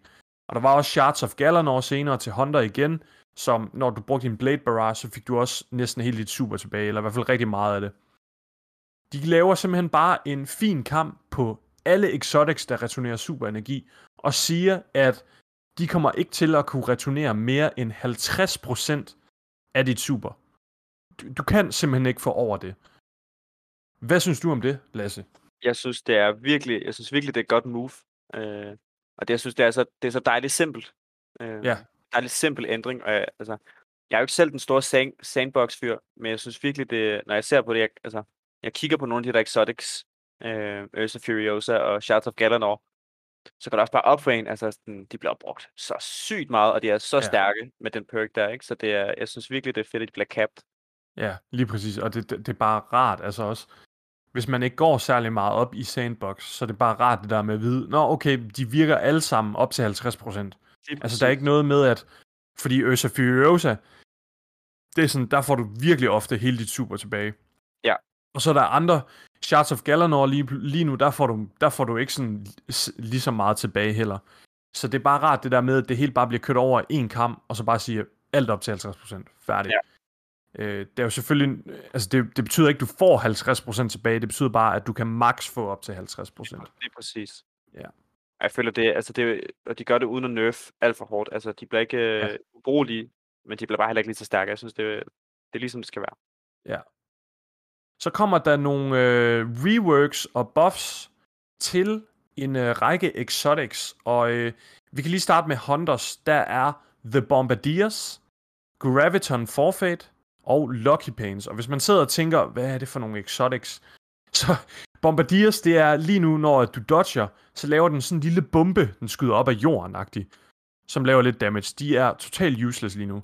Graviton Forfeit, de gør sådan, at din invisibility, den virker lidt bedre. Og Lucky Pains, det er det der med, at din handcannon på det første skud er meget bedre. Jeg kan ikke huske, om den gør mere løbende. Ja. Altså, det er så lidt, man bruger ja. dem, ikke også? Øhm, og bare lige kort, øh, de bliver buffet og tweaked. Den mest spændende, det er The Bombardier, som alt efter hvilken subclass du kører med. Hvis du kører med en Arc subclass, så blinder den der nade. Hvis du kører med en Solar subclass, så burner den. Hvis du laver eller kører med Stasis subclass, så slower du. Mm. Og hvis du kører med Void, så suppresser du. Det er ligesom en suppressor nade. Ja. Og det er altså bare lige virkelig vigtigt lige at få en note med her, der hedder The suppression will not affect a Guardian in Super. Ah. Så øh, jeg, jeg hørte øh, en af mine venner på PlayStation, han var sådan... Øh, Next Ability, øh, han var sådan, øh, what man, mega fedt, så kan man bare jorde folk ind i PvP med den. Det bliver da mega OP og sådan. Det lyder fedt i teorien, men man vil, jeg tror, det vil blive rigtig træt meget, meget hurtigt. Ja. Altså, Ja, det, den er, det, og den, altså, for sig selv er den jo, altså sådan, det lyder jo interessant med det der med at droppe en bombe, der gør de her forskellige ting. Ja. Men det er så bøv, altså du skal være så heldig, for, Ja. for at den fungerer ordentligt, ikke? Altså, det er virkelig bøvet, også fordi i PvP, at du skal jo helt op i hovedet for at dodge på en fjende. Og det er sådan, når du er helt op i hovedet, hvis du bruger din tid på at dodge, så kan han bare melde dig to gange, eller han kan skyde dig med din shotgun imens. Altså, det, Og lige nu så er metaen jo bare, lige nu er metaen øh, shotguns close range, så er du færdig, og hvis, det, og hvis du prøver at løbe hen mod en, så nakker han dig med en 120 øh, eller sådan, så det, jeg ved ikke helt, hvordan den passer ind i den nuværende meta, men det kan være, at de ændrer på det Ja. næste uge med, med, med våbentorben, og det, det måske gør noget, men øh, interessant ændring, i hvert fald ikke noget, vi har set før med de her, med de her perks. Nej, rigtig interessant. Så er der øh, Titan. Der er ikke rigtig noget, jeg har behov for at sige der. Øh, men det er Precious Scars og Icefall Mantle. Precious Scars, det er den her hjelm, der gør sådan, når du reviver en teammate, så er I begge to øh, sådan øh, invulnerable. Mm. Er det ikke det, det hedder? Jo. I noget tid. Altså, så I kan ikke blive rørt. Øh, og den, i starten, jeg kan huske, da den kom, der tænkte folk sådan, wow, den bliver vild i trials og sådan noget, men ja, det er ikke rigtigt. Den har ikke haft, den har ikke haft Fordi en stor effekt. Nej, det, det, det der med, at exotics, der fungerer alt efter, at altså præmissen for, at exoticen dur, det er, at det går dårligt for din teammate. Det er Altså, præcis din det samme. teammate dør. Og det er sådan, det, Hvad det har du ikke lyst til at spille om. hvad hedder den perk, var det sidste sæson, den perk der, ej, hvad den hed, øh, sådan en weapon perk, der siger på auto rifles og sådan jeg kan simpelthen ikke huske, hvad den hedder. Nej, jeg kan heller Den er- ikke lige... Den er også blevet buffet ved jer, men det er også den der, der går op, hvis du er den sidste på dit, øh, på dit fight. Nå, ja, lige præcis. Last resort og sådan noget, ja. Ja, lige præcis, og det er, altså, det er sådan en fjollet perk at bruge med vilje, fordi det er sådan, Ja, du sætter dig selv op til at fejlagtigt. Det er sådan, det føles i hvert fald. det er så spøjst. Så er der Icefall Mantle, som også øh, bliver tweaked lidt, og det er det der med, at i stedet for at have din øh, barricade på din Titan, så popper du din barricade, og så får du et overshield i stedet for. Ja. Så er der Warlock. Warlock øh, har tre tweaks, og det er Verity's Brow, The Stag og Prometheum Spur. Og jeg må ærligt talt indrømme, jeg kan nærmest ikke engang huske, hvad de tre der gør, fordi altså, af de tre classes, der spiller jeg allermindst Warlock, og de tre exotics der, det er godt nok nogen, jeg altså, måske aldrig har rørt. Det er måske meget spændende så, at, de, at det er dem, der bliver buffet, ikke? men jeg tror, Ja. Kan det ikke passe, fordi hvis du kigger på billedet med øh, øh, Super Regenerating Exotic, så har vi fået introduceret en ny en, der vi ikke rigtig snakket om. Men der Det er st- den der Stormbrace. Det er, den ja, den, den får et tweak på, at okay. ja, hvad den hedder, øh, den, den får et tweak på, at når du dræber med folk i din ark, øh, de der stødfingre, ja. Ja. så får du noget super energi, alt efter hvor mange du dræbt. Stormdances Brace hedder den. Har vi den i spillet lige nu? Eller kommer Ja, vi har den i spillet, lige nu, der gør den bare sådan, at øh, når du dræber en fjende, så forøger det den yderligere skade, du laver med dit super. Nej, nej, nej. Så det er sådan, den effekt sammenlignet med, at du, du kommer til at kunne få dit super tilbage. Det kan godt være, at øh, Tickle Fingers, de bliver øh, måske lidt sjovere at bruge næste sæson. Vi må se. Lillefinger. Øhm, The Stag, jeg tror, det er det der med, at når du dør igen, en exotic, der fungerer på, at det går dårligt, Det så laver du en rift. Ja. Eller, og det er sådan, what? Okay. Og så den der Prometheum Spur, den, det er vist med, at når du i din Dawnblade, så når du dræber en fjende, så spawner de en rift, tror jeg Ja. det er. jeg, Jeg tror, føler, det er sådan noget. Og jeg føler, hvis du er Warlock, så føler jeg bare, når du går hen og reviver, så føler de fleste bare automatisk smider en rift, inden de begynder at revive. Ja, Øhm, jeg synes, præcis. det, jeg synes, det er en mærkelig, synes, det er en mærkelig, øh, i hvert fald Ja. stag. Jeg, synes, jeg, jeg har aldrig helt forstået den, men altså, Nej, de, de, de, de er sådan meget, meget øh, altså low tier. Og så Verity Sprout, det er noget med, at det increaser din grenade damage. Jeg, jeg ved det ikke. Undskyld, jeg ved det ikke. det er bare Hunter main chatten her, der. Ja, det er det virkelig. Ja, det glemte du faktisk at sige, da du lavede intro i starten. Du er Hunter main også jo. Jeg, jeg, har, jeg har ikke tid nok til at, til at fokusere. Jeg havde lidt Nej. sidste sæson, der spiller lidt på, på alle tre. Men jeg har bare ja. Kun kørt under den her sæson. Destiny ejer jo bare min sjæl, så jeg er lidt tvunget til at spille tre. Men, uh... Nå, no. det var det. Hvad siger du? Du er streamer, du har en god undskyldning. Ja, jeg skal bruge noget tid på det. Nå, lad os øh, hoppe videre. Øh, vil du ikke tage øh, den der, øh, de næste tre der? Hvad skal vi se her? Og det er også nogle, det, det, nogle halvkedelige ændringer, synes jeg. Øh, yeah. Det er, det er vores jeg kan app, også tage dem, så kan du virkelig mere interessant, når du siger det næste. Ja. Yeah. okay. Lige nu på dit hjelm, så er der et perk, der hedder Ammo Finder. Og det kan du sætte op på øh, Ammo Finder Machine Gun. Så når du dræber en fjende, så dropper de mere Machine Gun. Eller der er chance, større chance for, at de dropper en Machine Gun brick. Den bliver øh, buffet lidt, så den skulle gerne virke i lidt bedre, øh, et lidt bredere omfang. Scavenger mods på dine ben, som når du samler special ammo op, eller heavy, eller kinetic for den sags skyld, de øh, stacker ikke længere. Så hvis du har sådan to shotgun mods på inde i PvP, så får du altså kun op, som om du havde et perk på. Lige præcis. Baby så kommer der... Hvad siger du? Har vi så fået noget information nu, når de ikke øh, stacker længere? Ved vi så, om de... Øh, om sådan, bare sådan basic perk, altså bare scavenger modden, bliver buffet? Nej, det gør den ikke. Det er netop for at modvirke lidt øh, altså mængden af special ammo, både i PvE og PvP. Altså det skal ikke være noget, man det skal ikke være noget, man sådan kan løbe rundt og bruge som main. Og det, det, det er jo meget fint. Jeg synes også, at i PvP nogle gange, det kan føles som om, der er en, der bare løber rundt og sniper hele tiden. Altså, det er præcis. Det er en rigtig, rigtig god ændring, synes jeg. Ja. Så kommer der et nyt mod, som hedder Holster mod. Og der kan du simpelthen vælge ud fra, hvilket våben du kører med. Øh, og det, det gør, det er egentlig meget basic. Det er lidt ligesom Deepstone Crypt-våbne. De har det her perk, der reloader dit våben løbende.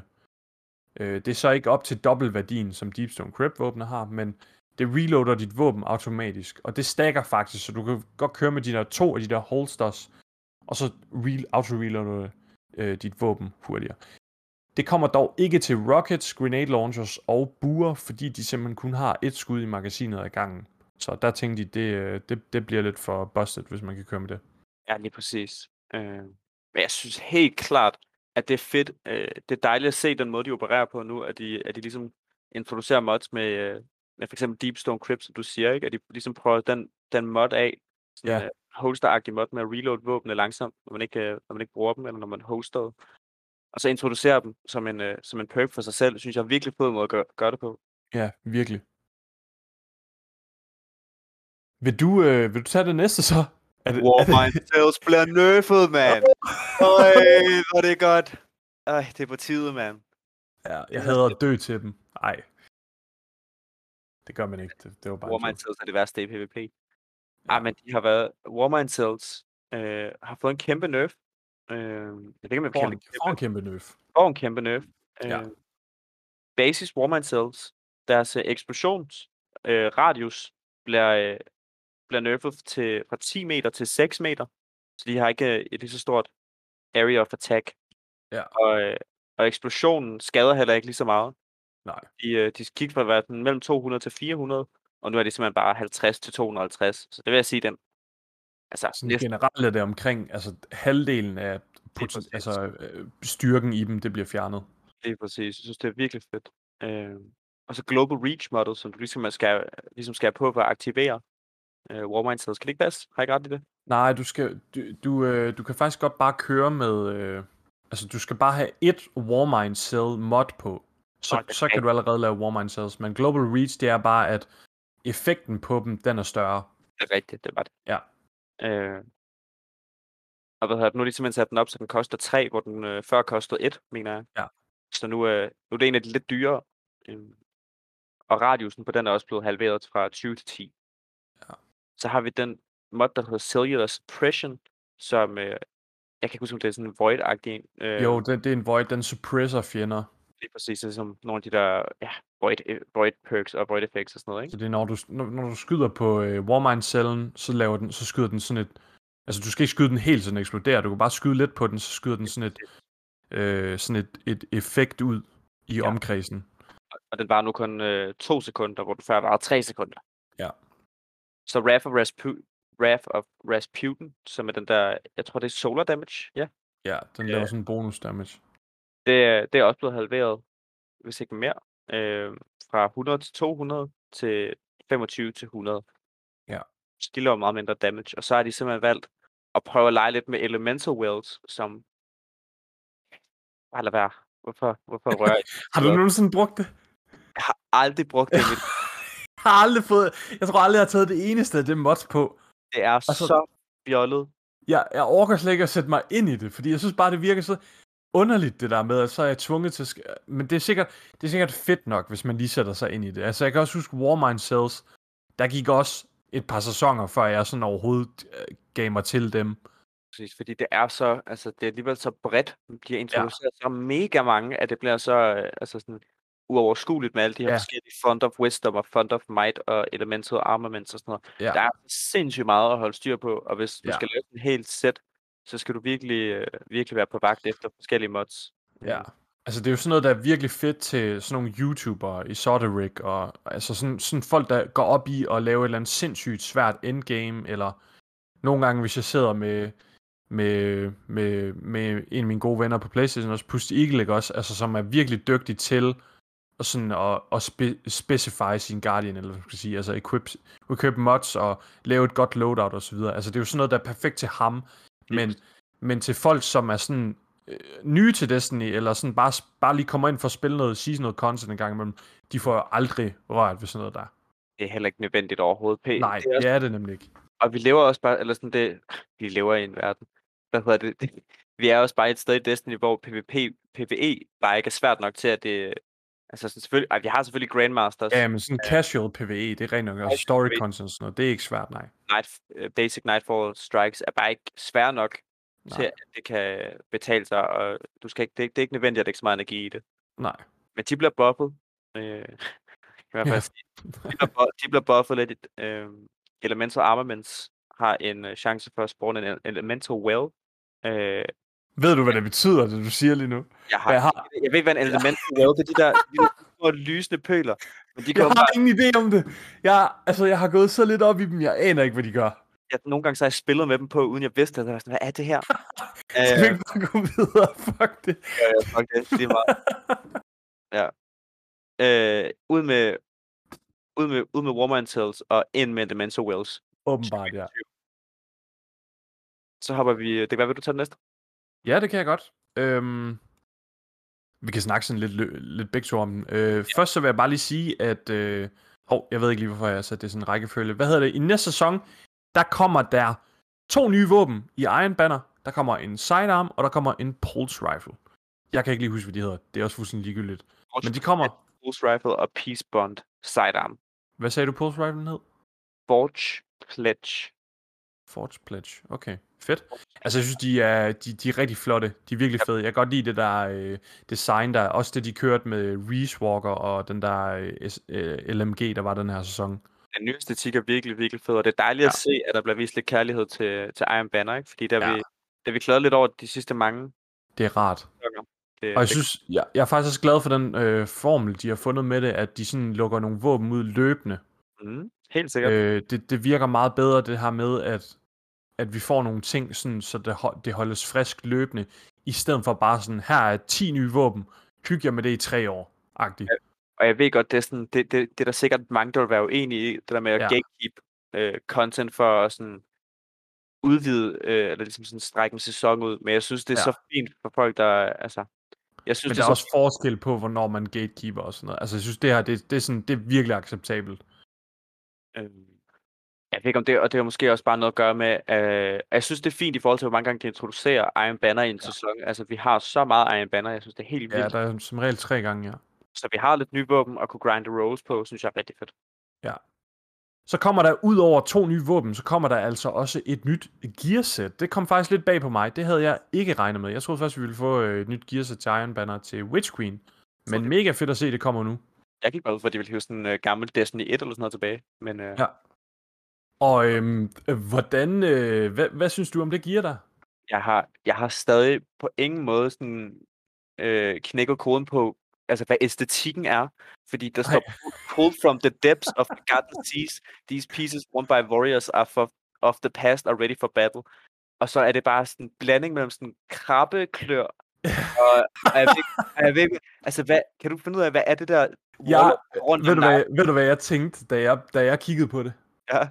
Jeg fik, jeg aner ikke hvorfor, jeg ved ikke om det er de der horn der. Jeg fik Spyro-vibes. Totalt Spyro, ja, på den title jeg, der. Jeg tænkte bare sådan, okay, det er sådan noget, det er sådan nogle dragejæger, eller sådan et eller andet, dem der. Altså, det er sådan...